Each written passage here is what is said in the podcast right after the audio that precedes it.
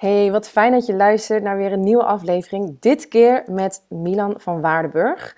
En Milan zit uh, in Hamburg. Ik ken Milan al van heel lang geleden. Kleine introductie, we kennen elkaar van school. Um, we hebben samen in de klas gezeten bij elkaar, muziektheater gestudeerd. En Milan is wat mij betreft echt een voorbeeld van volledig opgegaan in het vak waarvan ik zei, ik neem er afstand van. Dus welkom Milan. Dankjewel. Wat leuk fijn dat je er bent. Fijn, ja. fijn. Ja, ja. Um, nou ik heb je uitgenodigd eigenlijk om het gesprek aan te gaan, omdat ik dacht, weet je, Milan is eigenlijk een beetje de opposite van wie ik ben. Op dit moment waren we niet, hè? Dat uh, is nee. eigenlijk zo gegroeid. Ja, absoluut. Ja, ja um, en voor mij is het heel belangrijk om eigenlijk de luisteraars vandaag mee te nemen in hoe zorg jij er nou voor dat, ondanks dat je in dat vak zit, waarvan ik zei, hé, hey, ik kan mezelf daar niet meer zijn, ik word er niet gelukkig van, hoe zorg jij ervoor dat je dat wel doet? Ja, ja. Uh, dat is een hele goede vraag eigenlijk. Um, en daar ben ik eigenlijk pas over na gaan denken sinds wij uh, weer in contact kwamen en daar een keer een beetje over gehad hebben en zo. Mm -hmm. En ja, dat is echt iets. Ik ben nu vijf of zes jaar, zes jaar denk ik alweer aan het werk. Zijn we al zes jaar afgestudeerd? Maar Volgens mij wel. Ik, ik oh. vroeg het mezelf ook net nog af. Ja, ja, is al lang geleden. Ja, ja. Zes jaar. En, want ik ben eigenlijk meteen vanuit school gaan werken. Dus, en, maar dat Mhm. heeft ook wel echt. Ik kan nu zeggen, nu pas, dat ik op een punt ben gekomen dat ik denk: oké, ja, nu is het voor mij een balans of zo. En, dat, en dat bedoel ik mee eh, de verdeling van werk en privé. En ik bedoel, en ik had ook hele andere mm, dromen en doelen dan toen ik afstudeerde. Want ik, ik weet nog dat ik, toen wij nog op school zaten in ons laatste jaar, toen was mijn doel was kosten wat het kost. En daar zit Mhm. een, de secret al in eigenlijk, denk Ja. ik. Ehm, op het toneel staan in een grote rol. En dat was voor mij eh, Dansen van Pieren.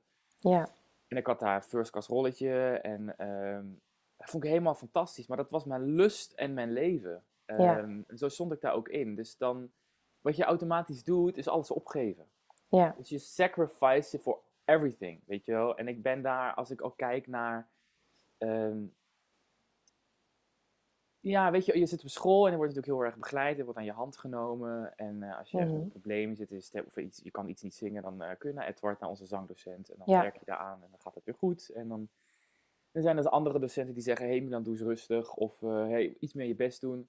Maar goed, zodra Ja. je dan in dat werkveld komt, en je verhuist ook eens naar Duitsland, dus je bent ook letterlijk nog eens verder weg van alles ja, sta je daar opeens alleen voor en werk je met een team die gewoon zegt wat je moet doen. En hoe je dat doet, eh, is allemaal op jezelf aangewezen. Ik bedoel, dat, dat herken jij ook allemaal, want dat heb jij ook Zeker. allemaal ervaren. ja, Nou goed, en dan eh, lopen, want ik was ook nog eens heel jong, 21 of zo, 20 Mhm. zelfs. Ja, en dan loop je eh, sowieso meteen al tegen de wand. Want ik, li- ik Ja. kwam er week twee al erachter dat ik dacht, oké, ik kan op deze manier niet zes shows zingen. Ja, stem is eigenlijk al weg, hoe ga ik dat nou doen? Dus je, je, je komt er meteen in een soort van leerproces terecht. En ehm, ja, waarbij je ook eigenlijk maar denkt van, oké, alles voor de show, snap je? Dus ik, heb, ik ben Hmm. verkouden, dus ja, ik ga toch maar werken. ja, Nou, doe je dat en dat hou je dan een paar shows vol en dan wordt je verkoudheid eigenlijk erg. En dan blijf je toch. Nou, en, en het is een soort van, zoals ze dat in het Duits zeggen, teufelskreis. Hè? Dus het wordt... ja, nou, goed, cirkel. ja, en moet je maar leren dealen en zo. En je voelt dan ook de druk van. Dan denk je nog, ik moet spelen, want Mhm. ik ben first cast. Ja. Hoe Is het nu anders dan? Eh, je- Ja. Ervaar je dat nu anders? Ja? Ja, wel, wel een beetje. Ik bedoel, kijk, ik, wat, ik, wat ik nu heel erg, als ik het vergelijk, het grootste verschil is dat het, het is werk. Ja. Hmm. En het is niet meer het belangrijkste deel van mijn leven en mijn bestaan. En het Ja. is eh 20% van de rest wat ik doe, weet je wel. Ja. En mijn werk begint ook pas zodra ik het theater inloop. En mijn werk eindigt ook zodra ik het theater Hmm. uitloop. En dan laat ik Ja. het daar. Ehm, waardoor, en dat geeft mij heel veel rust. En dat heb ik eigenlijk pas, nu pas weer voor het eerst sinds dit jaar, of voor afgelopen jaar, toen we weer, toen ik ook Ludwig en zo ging doen, Ja. ervaren dat ik het heel, ik kon het, kan het nu heel gescheiden houden. En dat komt denk ik ook door die pauze die we hebben gehad hè, Ja. corona, dat we thuis hebben gezeten. Omdat dat voor mij was het eigenlijk, ik weet nog heel goed, want ik zat toen in Anastasia in Nederland. Ehm, het- toen, toen corona begon, toen zat ik in Mhm. Londen voor een auditie en ik had ook een kleine vakantie daar aan vastgeplakt. En ik weet, toen ik daar wegging, of toen, ik- toen ik op vakantie ging, zei ik nog als grap, eh, oh, deze vakantie mag al drie maanden duren. Ach, dat meen je.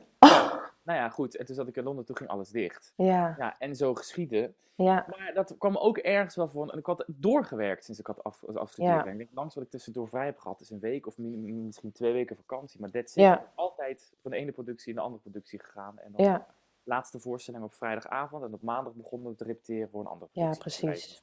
Ja, Dus en toen kwam die pauze en dan ga je toch wel eens nadenken over de afgelopen tijd. En dan merk je ook echt dat je lichaam tot rust komt en je stem Mm. tot rust komt. En ook je geest tot rust komt en zo. En ehm, toen dacht ik, ja, het heeft toch wel heel veel uitgemaakt van mijn hele leven en mijn hele bestaan de afgelopen jaren. En dan ja, teken met Anastasia was een grote rol. Dus dan stond ik al op het ochtends en dacht, oké, is, is mijn stem goed? Eh, ja, je zit meteen hè, in die modus. Ja, En dan ben je al aan het werk. juist. Eh, en dat maakte ook, dat maakte, die, dat maakte het zo zwaar. En Ja. eh, dat maakte dat ik ook bijvoorbeeld sociaal echt geen tijd meer had voor heel veel andere dingen en zo. Mm. En dat je dan mensen krijgt van hallo, gaat het wel goed met je? Ik zeg ja, ja, ja, gaat wel. Maar ik, ik bel morgen en dan bel je niet, want dan vergeet je het weer. Want dan zit je Ja. met duizend andere dingen in je hoofd. Precies. Ja, En toen heb ik eigenlijk, toen ik daarachter kwam, heb ik eigenlijk besloten dat ik dat niet meer wilde. Ja. En ik denk dat dat, Mooi. eh, nou goed, en dat heb, ik, dat heb ik moeten leren door zoveel jaar dat wel te doen. juist. En ik ben daar ook echt tegen hele vervelende dingen aangelopen. Ik heb, ik heb ooit eh, stemproblemen gehad, knobbels. Omdat ik Mm. me heb laten verleiden ooit een weekend met een keelontsteking door te spelen terwijl er niemand was. Juist. Ehm, en daar zo hard op gezongen dat het gewoon kapot was, zeg maar. Nou ja, en daar heb ik, eh, dat voel ik tot op de dag van vandaag nog, dat ik dat ooit Ja. gehad heb. Oh, je? bizar eigenlijk. Ja, Ja, Ja. en genoegen mee gehad toen ik eh, cover Quasimodo was. Dus ik was nog heel jong, dat was mijn droomrol, maar dan ben je cover en dat is natuurlijk Ja. niks om te vragen. Eh, we kregen geen visio, nou, ik ben, één, bij, ben, ben bij de Ja. meter. ja je moest echt ook dat krommen lopen natuurlijk. Ja, Ja, en ehm, ik heb een jaar zonder visio gedaan. Dat voel ik ook nog steeds. Mijn knieën zijn nog steeds kapot, en mijn onderrug. En goed, en dat allemaal, dat allemaal gehad te hebben, dacht ik, oké, ja, dat gebeurt me nooit meer. Dat is misschien Juist. een pijnlijke les geweest, maar uiteindelijk wel een goede les. Want ik weet, ik kan nu heel goed aangeven van hoe ik het wil indelen. En, ja. Is dat dan eh, ook iets wat je van tevoren dan nu bijvoorbeeld... Want dat kan ik me nog wel herinneren. Eigenlijk zat ik eenmaal in het vak en toen ging ik bedenken... oh, maar dit is eigenlijk wat ik nodig heb. En dan kon dat al niet meer, want dan waren alle onderhandelingen natuurlijk al geweest. Ja. Is dat dan nu iets waarvan je van tevoren bijvoorbeeld zegt... hé, hey, oké, als ik zo'n fysiek zware rol speel... dan wil ik graag minimaal één of twee keer per week de visio hebben of iets dergelijks. Is dat iets wat je kunt onderhandelen überhaupt? Zeker, absoluut. Mhm. Ehm, ik, ik, ik, ik, voor, mij, voor mij is het heel belangrijk. Ik onderhandel altijd dat ik een eigen kleedkamer heb. Dat ik alleen in de kleedkamer zit. Dat is voor Ja. mij een onschatbare waarde. Want Ja. dat betekent dat ik me kan terugtrekken op het moment dat ik moe ben. Of dat ik tussen Mhm. shows kan slapen. En die luxe heb ik natuurlijk ook wel door de rollen die ik speel. Dat ik dat kan Uiteraard. zeggen. Dat je dat, eh, maar dat is voor mij echt een voorwaarde. Mhm. Ehm, inderdaad, fysio, in dit geval, ik, dit, dit contract heb ik dat bijvoorbeeld niet, omdat dat, dat ik eigenlijk met de fysio die in het theater gegeven wordt nu, dat het voldoende is. Ja. Maar ik ben, gewoon- ik ben vooral heel helder met, eh, naar mezelf toe. En Ja, het is mooi. eigenlijk zodra je commit bent aan je eigen voornemens en dat je Mhm. als je durft te gaan staan voor wat je echt wil en trouw daaraan blijft, Ja. dan, dan heeft dat automatisch uitwerking op hoe je eh, een gesprek met iemand kan aangaan. Dan kan Ja. nu bijvoorbeeld, ehm, bijvoorbeeld, ik heb corona gehad en toen kwam ik terug. En in principe, als je terugkomt, dan zit je in het schema. En Ja, ga je er weer mee. spelen. Ja, Ehm, nou goed, en ik heb na twee voorstellingen merkte ik heel duidelijk, dacht ik, oké, dit is te veel. En dan kan ik echt naar het kantoor lopen en dan was het, want- bij ons was het ondertussen ook chaos met heel veel mensen die eruit Ja. waren. Dus het is een heel moeilijk schema sowieso. En het weekend kwam daar aan met twee dubbelshows. En ik heb gezegd, oké jongens, ehm, ik merk dat dat niet gaat. Ik kan sowieso geen twee shows op een dag spelen. Wat gaan we daaraan doen? ja, En dan is het, ja, nee, niks, want we kunnen niks doen. We hebben geen mensen. Ja. Oké, prima, dan ben ik er niet dit weekend. ja, Nou, zo, en dan kan ik, dat, dat kan dan zonder discussie ontstaan. Dat kan ik heel helder zeggen, zonder dat mensen daar zich aangevallen door voelen. Omdat het voor mezelf heel helder is. Omdat je, dat ik Zo luister krachtig. naar wat ik nodig heb en wat ik wil. ja, Maar dat is echt iets wat ik heb moeten leren. ja. Ook qua communicatie. Want voorheen Mm. Deed ik dat wel eens. En dan kwam dat bijvoorbeeld heel anders verbaal uit mijn mond. En dan dacht ik, oh mijn god, ik, ben heel, ik klink heel arrogant. Ik klink heel erg boos. Ja. En ik denk dat dat een teken is als dat gebeurt. Dat je niet, dat je niet helemaal weet, het helder hebt voor jezelf wat je wilt. Of dan ben je eigenlijk al voorbij gelopen aan, het, ehm, aan je doel. Of aan, je, aan, aan dat wat je, waar je voor je jezelf eigenlijk wil beschermen. En Ja. als je daarvoor blijft, Mhm. dan ehm, blijft ook altijd je communicatie zuiver, denk ik. Juist. Dus dat ervaar ik. Nou, ik denk wel, ja, je zegt echt hele mooie dingen. Ook het, het, het luisteren naar je, naar je lijf en de signalen is denk ik zo onwijs belangrijk. En wat, eh, waar ik gewoon tegenaan liep, dat ik in het begin heb ik dat gewoon te weinig gedaan. Maar dat begon bij mij al bij de opleiding. Want ik had toen ook ziekte van Pfeiffer, last van mijn stem. Echt op de meest random momenten dat je echt dacht nou, die meid, het lijkt wel alsof ze het expres doet. En dat, en dat was dus achteraf gezien, als ik het heb over ego, over in je hoofd bepaalde dingen. Soms kun je echt bepaalde dingen creëren die jou helpen om, om ja, voor jezelf te zorgen. Ook al is dat niet in een positieve zin. Nee. En dat is wat je nu eigenlijk ook zegt. Ja, ik heb dit eerst moeten, moeten ondergaan en Ja. moeten voelen voordat ik dit helemaal kon omarmen. En ik ben wel benieuwd, want je hebt, ehm, ja, jij bent zo veranderd voor mij, zeg maar. Ja. Je vertelt net al die rollen die je hebt gedaan, dat is echt fantastisch. En dat is ook echt, daar heb ik zoveel bewondering voor. Maar ik merk wel echt een hele grote shift in, in jouw zijn, Ja, in jouw 100%. energie. En ik ben heel benieuwd, hoe heb je dat aangepakt? Want dit vak vraagt wel iets van je. Ehm, ja, het is een hele goede vraag en dat, dat klopt ook. En dat, dat durf ik ook eh, volmondig te zeggen dat dat zo Mm. is. Ehm, en daar ben ik ook heel blij mee dat dat zo, dat, dat, dat, dat, eh, dat ik bij wijze van spreken bijna 360 graden de andere kant op ben gedraaid. Ja, Het heeft ook te maken met, met leeftijd, denk ik. Ja. En eh, ik kwam op school en. ehm, nou, ten eerste, ik, ik kwam natuurlijk uit Heerlen, Limburg. da- daar was nooit iets. En ik ben daar ook altijd. Ik bedoel, maar, over vrijheid, hè, over Mhm. eh, seksuele geaardheid en zo. eh, dat was bij mijn moeder trouwens thuis nooit een probleem geweest. Maar wel Nee. bij de, in de kring eh, op middelbare school waar ik me begaf, wel. ja. Dus toen ik in Tilburg kwam, toen wij gingen studeren, ons, daar trok zich een blik open met van ik dacht, oh, ik kan nu uitgaan tot zes uur. En ja. gewoon je wilde haar, gewoon maar wilde haren. En ik heb dat heb Ja. ik echt heel erg tijdens school ervaren. Daar heb ik ontzettend gebruik van gemaakt. ja. Tot de ergernis van iedereen toe, geloof ik. Bijna letterlijk ook wilde haren, want je had heel lang haar en het was Heel elke lang. keer... Ja, en dan van, die, van die rare kleding ook en zo. En dan gewoon heel erg... Maar ja, dat was echt mijn wilde periode, kan ik. Ja. eh, dat, die, heb ik, die heb ik ook gewoon nodig gehad. Dat was dus ook een tuurlijk. deel van, wat, van mijn ontwikkeling geweest. En ehm, ja, dan kom je ook op een school. Ik heb, ben, ik heb daar een hele fijne tijd gehad. Als ik daar terugdenk op de, op de sfeer die daar wordt gecreëerd. Mhm. En ik praat nog heel veel met, ehm, met studenten die nu studeren. Die Ja. vragen wel eens, kunnen we met jou een gesprek aangaan voor eh, SLB? Weet je Ja, precies. Ja, ook hebben moeten doen. destijds. Klopt. Ja. En het enige wat ik hun altijd adviseer, want ze zitten altijd met grote ogen te kijken, want ik ben gewoon heel eerlijk in wat Mhm. ik vind van school en de manier en zo. Het enige wat ik zeg, verbreed je horizon. Want Ja. je komt in een soort van eigen wereld op die school waar supersterren worden gecreëerd. Creëerd. Waar mensen op een bepaalde plek worden gezet, waar heel duidelijk is, dat is, laat het maar even zo zeggen, de beste van de klas. Ja. Ehm, en die, krijg- die krijgt dan ook letterlijk voorrang op andere dingen. Als Ja. we, en dan hebben we het over het verdelen van solootjes, et cetera, et cetera. Ik denk, jij herkent het heel erg, want je Mhm. weet, kent de situaties. Ja. Ehm, en als ik daar terug op kijk, heb ik het geluk, nou, ik weet niet of dat het geluk is. Ik zeg nu geluk, en het is eigenlijk helemaal niet zo. Heb ik het, Nee. ik wil zeggen geluk gehad, dat ik een van die mensen was. Mhm. Waar je heel erg wordt voorgetrokken en waardoor je op een, waar, waar ik een 9,5, een 9,5, wat een bizar cijfer is voor mijn overgangstentamen kreeg met het commentaar dat ik nog een half punt kon groeien naar mijn eindexamen. Ja, ja, ja. Hè? Eh, waar Fantastisch, maar ja, ja, maar eh, onrealistisch vooral. juist. Daar, Ja. daar zit het hem in. En Mhm. eh, dat ik teleurgesteld was dat ik op mijn eindexamen een 8,5 kreeg en daar in discussie ben gegaan met, het, Ja, met de jury en Pia Douwes zelf, die mijn externe examinator was. En ja, ik zei, ja, maar jij hebt mij een 10 beloofd. Ja, En dat zijn allemaal dingen die ik zo afgelopen jaren, die teruggekomen zijn. En toen dacht ik, ja, je, wordt daar dus wel een soort van, daar wordt een soort van ego gecreëerd. Ja. Je studeert af en toen kom je op die audities. Mhm. En dan zie je opeens allemaal, in mijn geval jongens, die voor Ja. dezelfde rol gaan. Die ook kunnen zingen. Die Ja. ook ontzettend goed zijn. Mhm. Die eigenlijk beter kunnen spelen, vaak. Want we studeren eh, vaak niet af als hele sterke acteurs in, in, in- van Ja. onze opleiding. Tot niet heel ver in een detail treden over de opleiding, maar daar. Ja. daar.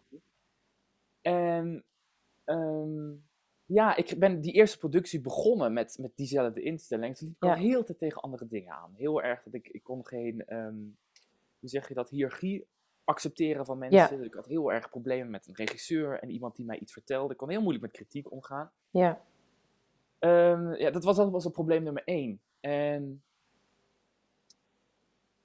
waar dat zo- zorg, daar dat, ik kwam weer terug, denk ik, bij het werk.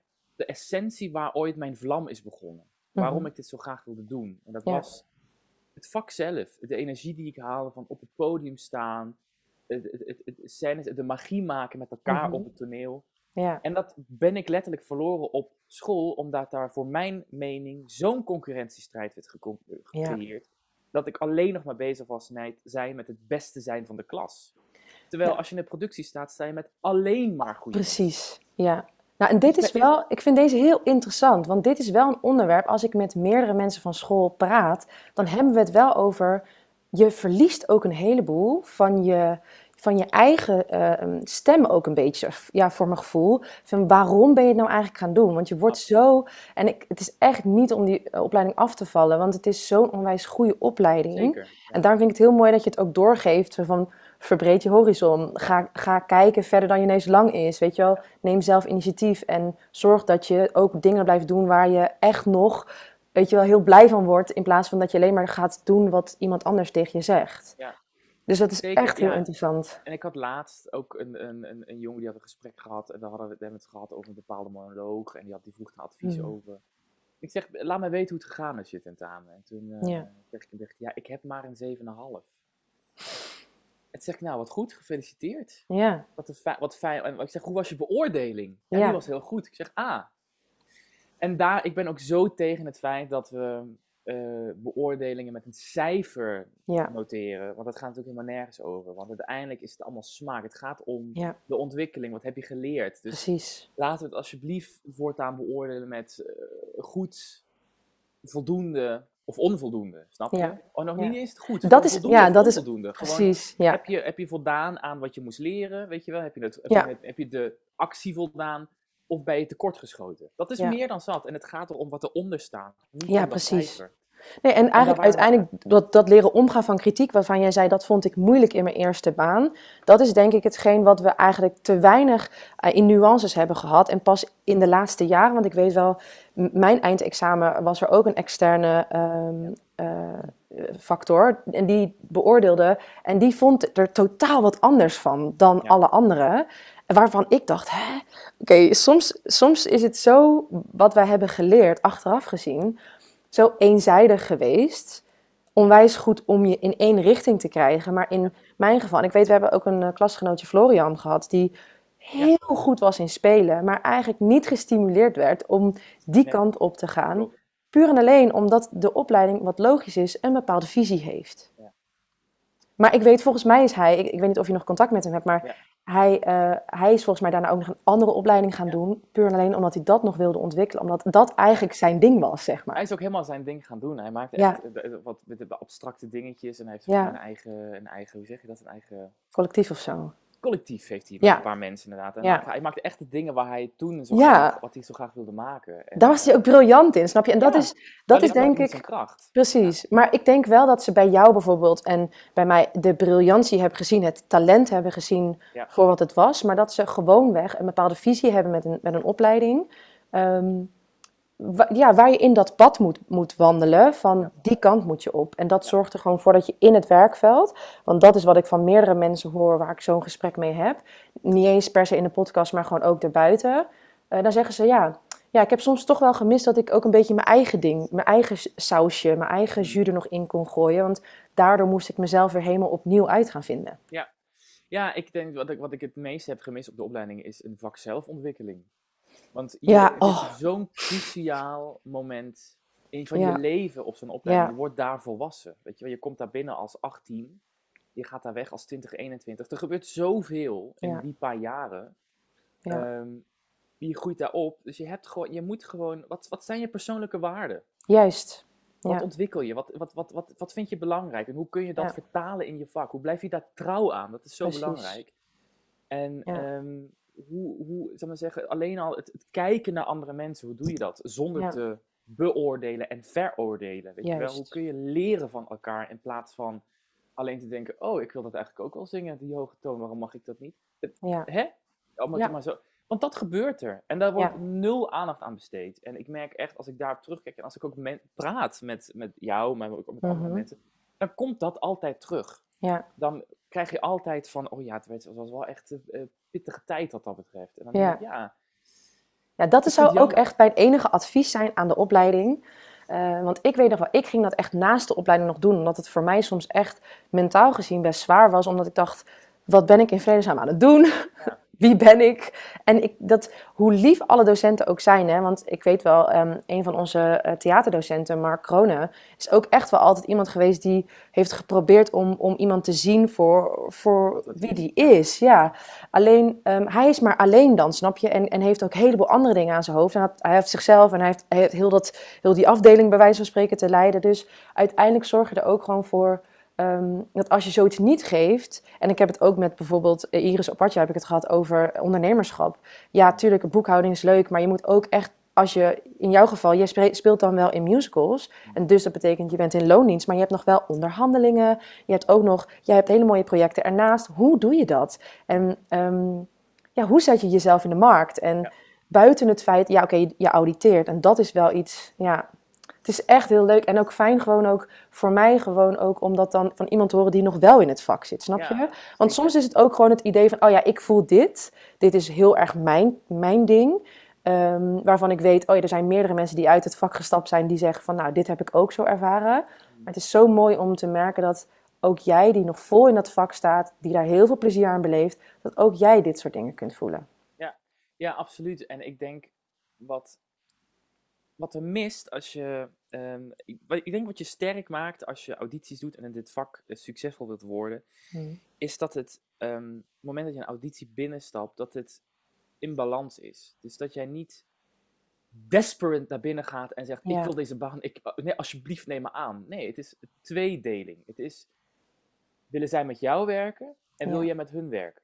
Ja. En als dat in balans is, als je dat kan laten zien, als je dat kan onderzoeken tijdens een auditie, want daar is een auditie voor. De auditie Mhm. is echt niet alleen van omdat jij kan laten zien of je dat kan zingen of niet, maar je werkt daar ook, je krijgt daar een team te zien, je krijgt daar een regisseur te zien. Is die regisseur wel matcht dat? Ja. Snap jij die regisseur of snap jij die muzikaal leider? Of denk je echt, oh nee, nee, dat is niks voor mij. Heb ik Ja. ook al een paar keer gehad, dat ik ergens naar binnen dacht en dacht, oh nee, nee, dat gaan we niet doen. Maar dit is zo mooi, want ik, ehm, ik teach echt op dat je leert wie ben ik, wat wil ik. En dan vervolgens op jouw voorwaarden eigenlijk dingen kunnen doen. Of dat nou auditeren is, of dat nou solliciteren is, of dat nou je eigen bedrijf is. Dat maakt eigenlijk niet uit. Jij hebt continu ook aan jezelf te vragen: hé, hey, wat wil ik? Ook het, überhaupt het minimumloon. Hè? Eh, We nemen altijd maar genoeg met: oh ja, maar ik ben wel benieuwd wat ze dan gaan bieden. Nee, oké, denk voor jezelf na. Ja, Wat, wat heb ik dat is nodig? mijn tijd. Ja. Precies. Ja. Wat kost mijn tijd? Ehm, hoe ziet mijn leven eruit en welke, welk minimum moet ik hebben?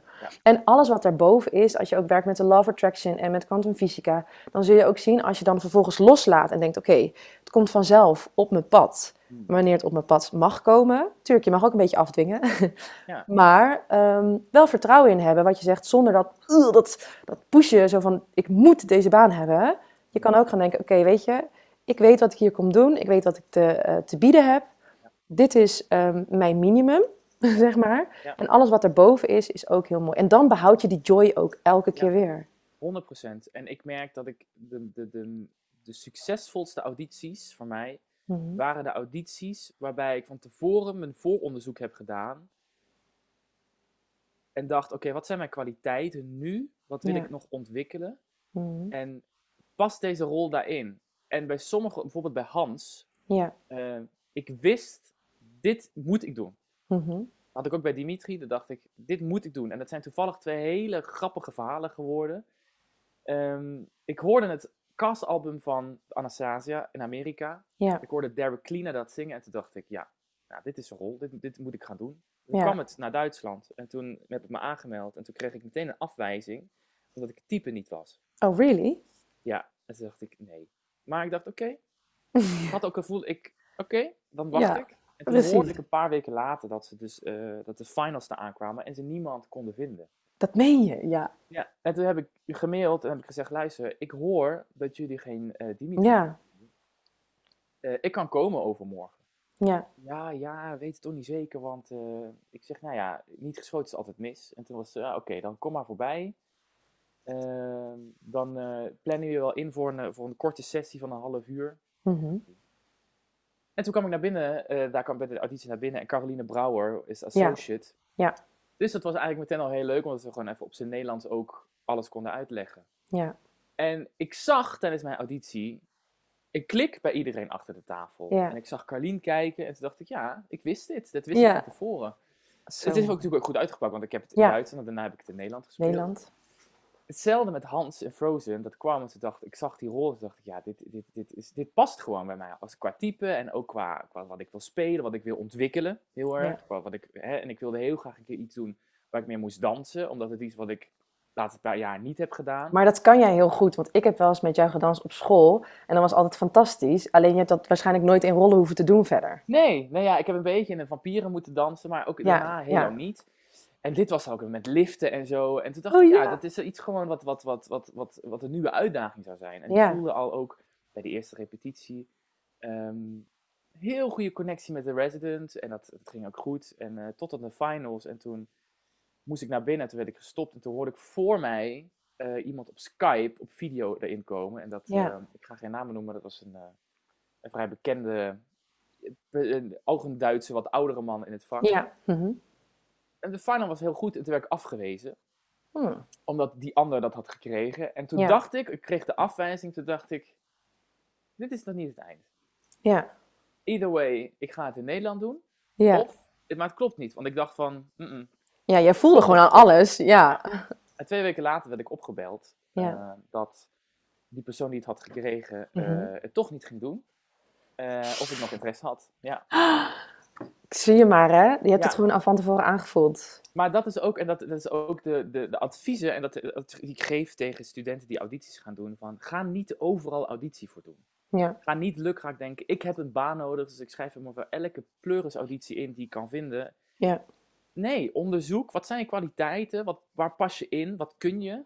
En bied dat aan, want je kan, als je overal auditie gaat doen en je doet overal een matige auditie, Auditie, omdat je niet ja. type bent, laat je niet een hele goede indruk achter. Je Nee. staat in je kracht op het moment dat jij weet dat dit jouw rol is. Juist. En geld verdien je op een andere manier. Als geld je primaire doel is, dan zijn er duizenden andere manieren om daar aan te komen. En, is, eh, en dat is heel moeilijk als je pas afstudeert, dat snap Ja. ik ook. Ehm, maar dat is wel tip nummer één die ik wel mensen geef. Ja. Ja, super mooi. Ja, nu we het toch over geld hebben, hè? Ja. Wat zou jij dan doen als je niet in musicals zou zitten? Eh, is een goeie. Ik heb, eh, het is wel leuk om daarover te hebben. Ik ben, eh, ik ben bezig met het opzetten van een online onderneming. Mhm. Eh samen met Willemijn Maandag, die ken jij ook. Ja, wat leuk. Ja, wij zijn collega's collega, collega's samengewerkt aan Anastasia en nu ook een Mhm. Frozen. Ehm, ik heb tijdens school ook altijd, altijd graag zangles gegeven. Eh, En dat heb ik tijdens corona ook altijd gedaan online. Ehm, en we zijn nu bezig met het opzetten van een soort platform. Ja. Ehm, dus ik ben altijd, ik merk dat ik altijd ondernemend geweest ben, zeg maar. Leuk. En, en ik heb het geluk dat ik buiten de grote shows altijd veel concerten heb kunnen doen. En Mhm. eh, altijd workshops heb mogen geven. Dus ik heb eigenlijk ook in corona, ik dacht wel, het geluk, het, het eerste, het eerste half jaar van corona werden wij gelukkig doorbetaald. Dus toen had ik Ja. eigenlijk geen geldzorg. En daarna kwam wel een periode aan dat ik dacht, oké, Mhm. ik heb gelukkig wat gespaard, maar er komt Ja. in principe, nu mijn agenda is leeg. Ja. En dan moet je toch vertrouwen op het feit van dat je talent en dat wat je Mhm. kan een aantrekkingskracht is. Juist. En dat het andere dingen aantrekt. En zo was het ook. En soms was mijn, agenda voor drie weken leeg en dacht ik, shit. En dan stond ik de volgende ochtend op en had ik een mailtje met, oh, kun je daar een concert komen doen? Oh ja, en er zit een repetitie aan vast. Nou, dan had ik zo weer eigenlijk een heel maandsalaris. En Ja. als je daarop vertrouwt, ik ben heel erg, ik geloof heel erg in wat je voedt, dat groeit. Ja. ja dus als mooi. jij voedt van het feit, ik heb geldzorgen, oh god, ik heb geen geld, Dan gaat ik nou dan gaat daar je energie naartoe. Juist. En dan ga, focus je je daarop en dan komt er Mhm. ook niks. Nee. Terwijl je, als jij denkt van, oké, ben, ik, ben, ik sta open voor alles wat er Mhm. komt. Ja. En ehm, dat wat er komt, ga kijken of dat iets voor me is. En ik ben op zoek naar een goede verdienste, dan, Ja. dan dient dat zich aan. Ik ben er heilig van overtuigd. En dat komt Mhm. echt omdat ik dat nu zelf al echt heel vaak heb meegemaakt dat het zo werkt. Ja. Ehm, Ja, en daar ook vanuit- wel geloven. Precies, ook vanuit die, die gedachte, want dat is niet voor iedereen. Het geldt natuurlijk niet voor iedereen dat iedereen dat vertrouwen kan hebben. Want uiteindelijk is, is het vaak ook zo bij de Law of Attraction, eh quantum fysica, maar gewoon überhaupt in het leven dat je vertrouwen mag hebben dat alles wat jij nodig hebt en wat bij jou hoort, naar jou toe komt. Ja. En ehm, je kan dan nog bepaalde wensen hebben en bepaalde eh, visualisaties hebben van hoe bijvoorbeeld iets eruit uh, zou mogen zien volgens jou. Dus je kan heel veel sturen. Ehm, dat is echt ook heel interessant, want wat jij nu zegt, ja, 95% is beïnvloedbaar. Niet alleen al je gedachten, maar ook genetisch gezien, als jouw um, ouders een bepaalde ziekte hebben, betekent dat niet dat jij dus dat niet, uh, dat hoef jij niet over te nemen. Nee.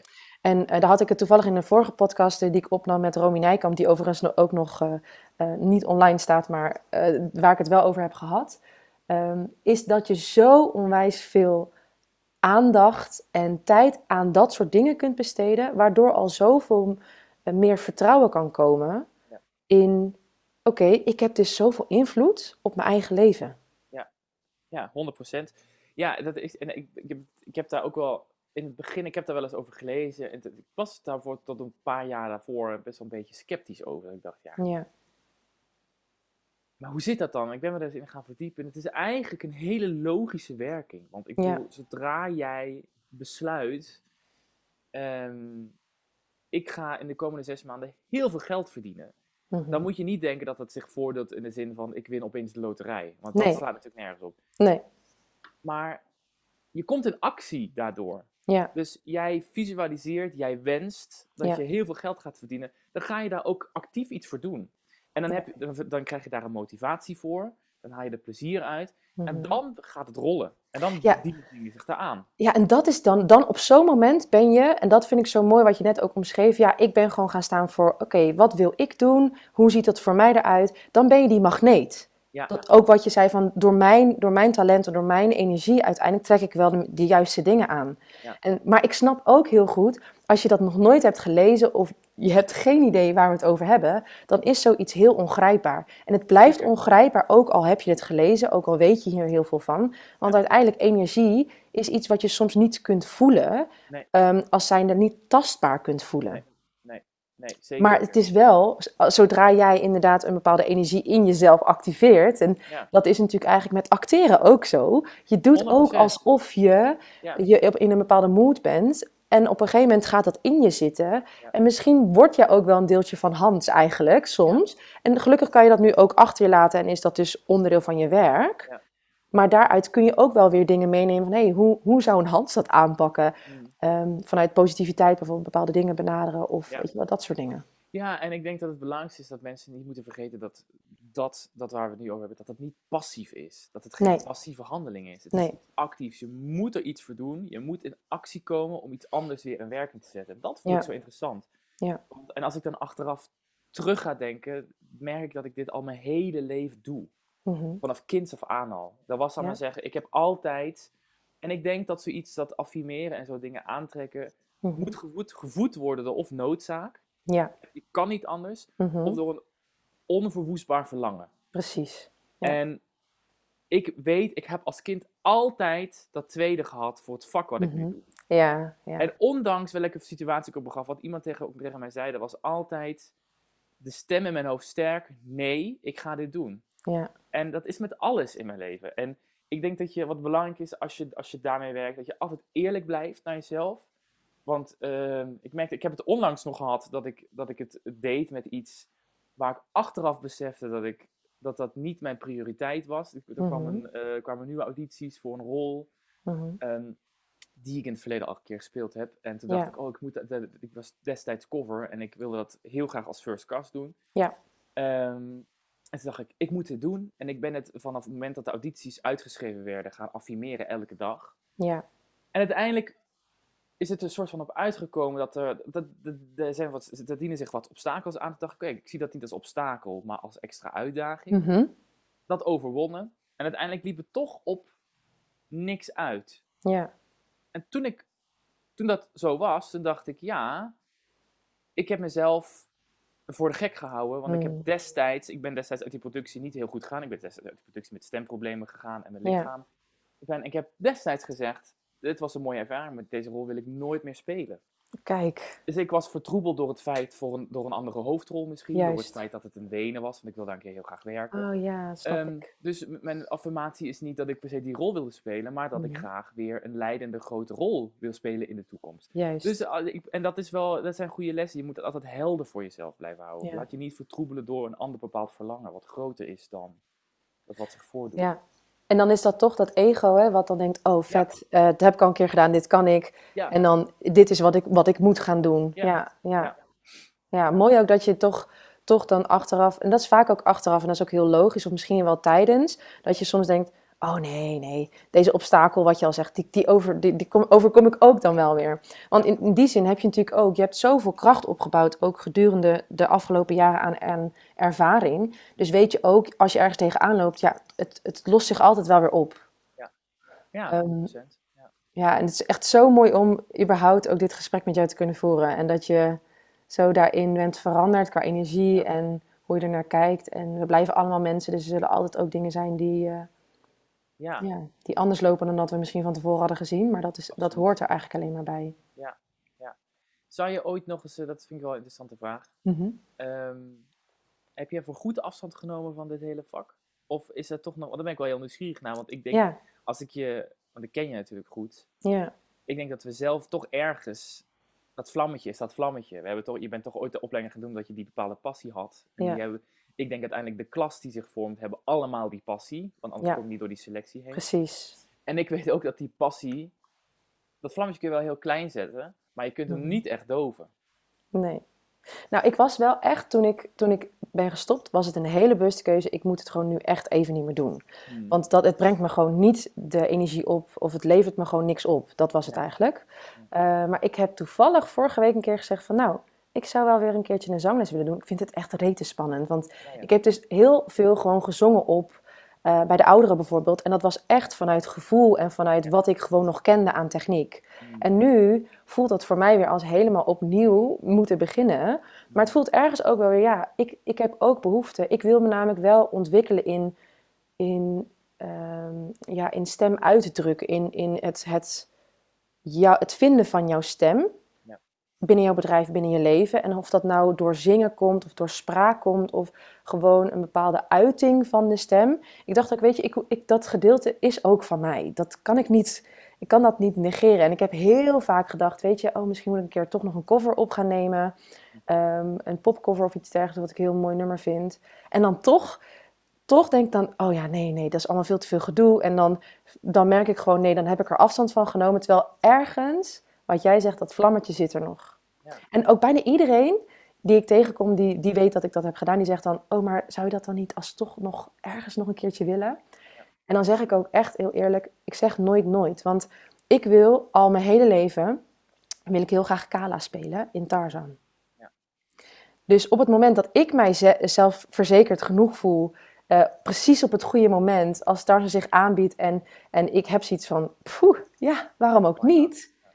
Waarom zou ik het dan niet kunnen doen? Maar dan doe ik het echt vanuit mijn eigen motivatie. Ja. En niet meer wat jij zegt, ik moet maar auditeren omdat iedereen dat doet of omdat dat erbij hoort. Ja. En dat deed ik al niet meer, maar toch waren er vriendinnen om mij heen in die productie die zeiden van, oh, ik ga dat doen. dacht ik, oh, dat moet ik ook doen.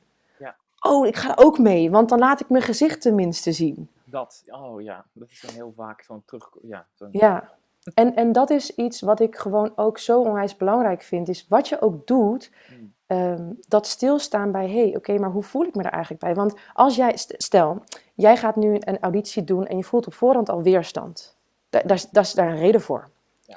Je kunt het uit gaan proberen, omdat dat nou eenmaal jouw manier is om te denken, oké, ik ga wel zien. Er zit weerstand op, geen idee, misschien is het spanning. Dat kan. Hmm. Maar ik wist op een gegeven moment, er zit zoveel weerstand op. Bij elke auditie dacht ik, ja, ja, daar sta ik hier weer eigenlijk voor niks. Want dan staat er zo'n team tegenover me die helemaal niet... Snap je, op een gegeven moment ging ik ook gewoon in mijn hoofd denken, ja, het werkt niet. Dat werkt het ook niet. Dan werkt het ook niet, precies. Nee. Dus nu zou ik met totaal andere intenties, andere voorwaarden... een, bijvoorbeeld een stadtheater of iets dergelijks, dat zijn kortere producties. Ja. Dat zou ik heel tof vinden. Maar ook niets meer, ja, zeven dagen in de week of zes dagen in de week. Zoveel shows en... Nee. Nee, Nee, da- daar, ik merk wel daaraan bijvoorbeeld, het is ook natuurlijk ouder word, dat ik in Mhm. het begin doe je dat, weet je wel. En je neemt ook in het begin die acht shows voor lief. Ja. Oh cool, acht shows, wow, dat is echt. Ja, Dat ja. is echt cool als je dat doet. Ja, Dat is helemaal niet cool. nee. En dat is ook helemaal niet leuk om acht shows per week te spelen. En ik, ik, ik, ik, ik zeg het ook bij elk, want je hebt natuurlijk gewoon, tenminste de productie die ik nu heb gedaan, altijd op de helft een functioneringsgesprek. Ik heb toevallig Ja. donderdag weer mijn functioneringsgesprek voor hier. Nou ja. Ik zeg het ook, elk functioneringsgesprek, ik zeg, ik weet ook dat ik tegen de stroom inzwem en dat Mhm. er jullie niks aan gaan en kunnen doen. Ja. Maar ga van die acht shows af. Doe dat je personeel niet aan. Als je de Het is ook gewoon voor de kwaliteit- kwaliteit. Juist, Ja, precies. de kwaliteit van de show hoog wilt houden en ziekteverzuim naar beneden wilt halen, Ja, haal er één of twee shows af. ja, En Ja. ik, in dit geval, ik heb nog nooit meegemaakt dat ook zelfs de middagshows bij ons tot aan de laatste toe gevuld zijn. maar in andere producties eh, ver- verkopen die nooit. Als in Nee. gewoon, of de, is het altijd wel op de donderdag of zo, dat je, dan sta je dan voor 200 man. ja, Ik denk, als je nou deze voorstelling en de matinee op zaterdag samen had gevoerd, dat je een volle zaal gehad. precies. Ja, Ehm, dus ja, maar goed, ik bedoel, en ik blijf me daar hard voor maken totdat dat het ooit verandert. Maar dat Ja. is inderdaad wel, eh, ja, dat is wel heftig. En ik ben nu wel ook bezig, want ik, zelfontwikkeling blijft verder. Mhm. Dat ik weer met nieuwe persoonlijke waarden en doelen bezig ben. Dat ik denk van ja, wil ik, wil ik wel, als ik dit vak blijf doen, ja. aan die acht shows vastzitten? Of ga ik op een gegeven moment zeggen, oké, ik, ik, ik, ga, ik ga alleen nog mee in een contract als ik minder dan acht ja. shows kan doen. Want het, ik bedoel, je hebt altijd een keuze, hè? Uiteraard. tegen mensen van. eh, ik had laatst met iemand die, die, had, die was aan het auditeren voor een rol en die kreeg een alterneel of een kofferpositie en die was daar zo teleurgesteld over. En zegt, ja, ik heb wel onderschreven of ondertekend. Oh, dacht ik, zeg, ja, ik zeg, dan moet je nu ook niet meer zeuren. ja, Ik zeg, ze aan, ik zeg, ja, ik zeg, bedoel, je hebt de keuze, hè? Ik zeg, je Ja. kan het ook niet doen. Als dat niet is wat je, als je dat niet is wat je wilt, dan zeg je nee. ja, Ja, maar ja, ik, ik moet toch geld. Ik zeg, oh, nou, dan is dat blijkbaar belangrijker dan ja, een first class positie. Dus dan moet je dat aanvaarden. Dus, dus Ja. daar, daar heb ik wel veel in geleerd. Dus ik ben daar wel, dat blijft ook altijd een onderzoek, dat blijft altijd ontwikkeling. Ik ben wel benieuwd Ja. hoe dat bij een volgend iets of zo, of ik, eh, ja, hoe dat zich dan weer voordoet. Daar heb ik nog geen idee over. nee. Nou, en ik denk ook dat, het, dat je de toestemming zel- jezelf mag geven eigenlijk, dat je het altijd mag aanpassen. Dat het ook, en ook. Ja, ook als je dan weer over drie jaar, als wij over drie jaar weer een gesprek zullen voeren in een podcast, dat je dan kunt zeggen, oh nee, nee, nee, nu zit ik op dit pu- punt, Ja. sowieso kijk ik ernaar. En dat is Ja. ook iets, denk ik, wat we zelf, onszelf mogen toestaan. Jij en ik eh, waren eh, vijf jaar geleden of zes jaar geleden toen we afstudeerden totaal andere personen. Ja. Ehm, ja, en dat mag. Dat is oké. Tuurlijk. En het hoort, het hoort ook bij je ontwikkeling. Ja, Het, ik denk, het, het gevaar van dit vak is, is dat ehm, daar geen rekening mee gehouden wordt. Weet je wel? Ik denk Ja. als je als jong iemand in dit vak erin gegooid wordt. Er is nooit begeleiding geweest voor mensen die pas van school in een grote productie kwamen. En je moet, Nee. dan meteen, je moet gewoon meedraaien met de, met de hele rest. Met mensen Ja. die al vaak tien jaar dit vak doen. werken, ja, precies. En heel goed weten dat dit bedrijf een, eh, een groot radertje is. En dat je een klein schroefje bent van, dat, Mhm. hele, van dat hele geheel. Ehm, en het uiteindelijk, je werkt, dat is het ding, je werkt voor iemand anders zijn geluk. Ja, Je werkt voor iemand anders zijn geld. En jij bent daar deel van. Ja, je krijgt een goede cent betaald. mhm. Maar in het begin, eh, nu is het heel helder. Er is geen baan. Weet je wel, in het begin denk je allemaal, we zijn allemaal superhelden, weet je wel, want wij doen Ja. echt iets heel cools. Ja. Maar laten we het heel eventjes brengen tot de essentie wat we doen. We staan op het we zingen een liedje en we spelen een scène in een raar, in een raar pakkie. ja, Snap je? ja. We doen niks belangrijks. We doen niks belangrijks. En ik wil het Ja. daar niet mee onbelangrijk maken, maar we Nee. redden daarmee geen levens. precies. Geen enkele baan op deze hele wereld is het waard om je eigen gezondheid na te laten. Nee, en dat, die, die is heel belangrijk. Geen enkele baan Ja. is het waard om je eigen gezondheid na te laten. En Ja. Dat is voor mij de reden geweest waarom ik ben gestopt. Omdat ze van mij verwachten dat ik maar in allerlei bochten ging springen. Terwijl mijn, eh, iedereen zei tegen mij, je moet gewoon nu stoppen met zingen. En dat was dan in een van de laatste producties die ik deed. Ehm, terwijl vanuit de productie natuurlijk, ja, was de, de noodzaak heel hoog dat er uiteindelijk iedereen daar stond, want ze hadden geen vervanging. Ja. En jij, wat jij net zei, ja, ik loop gewoon het kantoor binnen en zeg, ik ben er niet. Ik heb dat uiteindelijk ook gedaan. Ik heb gezegd, ik snap dat jullie dit van mij verlangen, maar als er niemand voor mij zorgt, als, als ik niet voor mezelf zorg, wie zorgt er dan voor mij? Niemand. Nee. Dat moet Nee. ik doen. Ja. Jij, ik heb de verantwoordelijkheid, jij ook, om voor jezelf te zorgen en om voor jezelf daarin Ja. grenzen te stellen. En die grenzen, eh, wij zijn zo opgevoed eigenlijk in de maatschappij dat grenzen stellen vaak wordt gezien als arrogant, wat je net al aangaf. Hè? En dat kan inderdaad te maken hebben met de manier waarop je het zegt. Maar vaak is dat ook de reden waarom we geen grenzen stellen, omdat we bang zijn voor de reactie van de ander. Ja. Terwijl in feite ben je ook niet trouw aan jezelf. Waardoor je jezelf nog in een benauwdere situatie brengt dan Juist. voorheen al. En ik denk altijd, ik bedoel, het is niet meer dat ik dat soort dingen, dat ik daar niet over nadenk of dat ik dat niet spannend vind. Maar ik denk altijd, oké, wat, wat kan er gebeuren? Wat, zijn de, wat is nou het ergste wat er kan gebeuren? Ja, dat ze heel boos worden. Ja, Oké.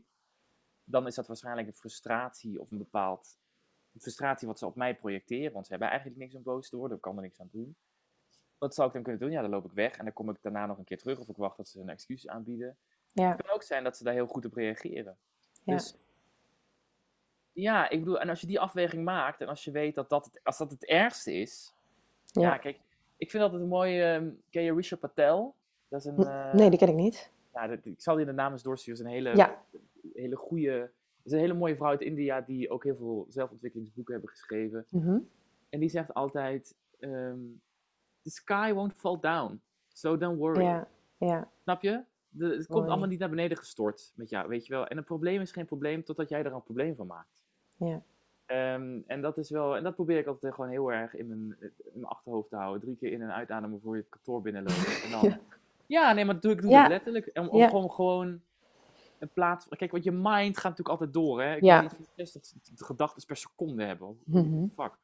Ehm, maar gewoon focus op dat wat je wilt vertellen. En Ja. dan, dan kan het ook niet misgaan. Als dat is, als je trouw bent aan jezelf, dan, ja. ehm, dan, ja, dan is het wat het is. Ja, en wat mij ook wel helpt in dit soort situaties, hè, want vaak is het zo dat, we, dat je tijdens zo'n gesprek, ik heb dat wel eens zo ervaren, dat je tijdens zo'n gesprek ook ineens helemaal de andere kant op kan gaan, omdat je dan in zo'n gesprek je laat beïnvloeden door de ander. Maar wat voor mij bijvoorbeeld helpt daarin, is dat je eigenlijk zegt, hé, hey, ehm, eh, ik schrijf het even van tevoren voor mezelf op. Hmm. En desnoods loop je ergens binnen en zeg je: hey, ik heb even wat dingen opgeschreven, zodat ik zeker weet dat ik alles kan zeggen. Ja. Zodat ik mijn verhaaltje kan doen, zodat ik jullie ook echt goed de ruimte kan geven om te reageren op hetgeen wat ik echt wil zeggen. Ja, dat is een hele goeie. En wat ik, wat ik meestal doe als ik merk dat ik het toch spannend vind, ik benoem het gewoon. Ja, Ik zeg Ja. van, hé hey, ja, ik kom hier even over praten, vind ik eigenlijk best wel eng. ja, Ik weet eigenlijk niet zo goed hoe jullie daarop gaan reageren, ja. maar dit en dit. ja eerlijkheid, echt, dat duurt ook, ja, dat, is, dat duurt het lang, zeggen ze in het Nederlands, maar dat is gewoon eigenlijk de uit, het uitgangspunt. Ja, en het is geen, ik denk dat dat, het, men- het is geen zwakte. Dat is Nee. gewoon mensen zien openheid en eh, Kwetsbaarheid. ja, kwetsbaarheid als een zwakte. En dat is, het Ja. maakt je juist sterker als artiest. Ja, En als ja, mens zeker. vooral. Eh, Dus Ja. ik denk dat dat, dat, dat, dat, dat, dat, dat ook echt. Dat moet eruit. Want ik, ik, dat, is, dat, dat is je valkuil. Ja. Want daardoor, als je dat een zwakte ziet, ga je dus ga je op een andere manier communiceren dan dat je eigenlijk wilt. En dan kom je op een andere manier over. En dan. ehm, ja, dat, daar heb ik heel veel van geleerd. Want dat, dat was mijn probleem altijd. Ik, zag, ik probeerde dan altijd een soort van. Ik dacht altijd dat ik dat dan zakelijk en professioneel moest doen. En dan deed ik dat op deze Hmm. manier. En ze van, eh, ja, ik kan dus niet spelen, want ik voel me niet lekker. Dus eh, ja, wat, eh, wat is de optie? ja, Waardoor je iemand totaal tegen een muur zet. ja. Wat totaal niet meer een line is met wat ik eigenlijk wilde zeggen. Nee. En je ja. helemaal niet professioneel overkomt. Dat je komt gewoon over als een soort van arrogant jong broekie. Die daar echt komt vertellen wat hij nodig heeft. Ja, zo werkt het natuurlijk niet. Nee. Dus ehm, ja. Ja, heel mooi. Dankjewel in ieder geval voor het delen. Heb jij nog iets om, om eh, als laatste ding... Want ik weet niet, we zitten echt ook al lekker eh, aan de tijd. Heerlijk. Ja. We kunnen volgens mij nog urenlang eh Ja, doorkletsen. Mm, Wil je nog iets zeggen? ja, la- ik vind het zo moeilijk. Ja, zoveel. Maar ja, wat mij, wat mij ontzettend geholpen heeft in de afgelopen jaren is gewoon ehm, dat, dat, dat wat je, wat je voedt groeit.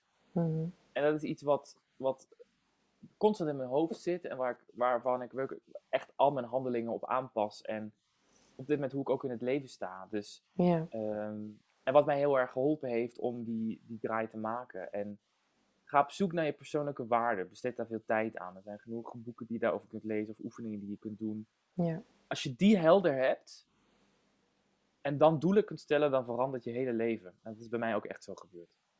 Ja, laatste vraag. Wat zijn dan nu jouw waarden? Is dat heel vervelend als ik dat vraag? Nee, zeker niet.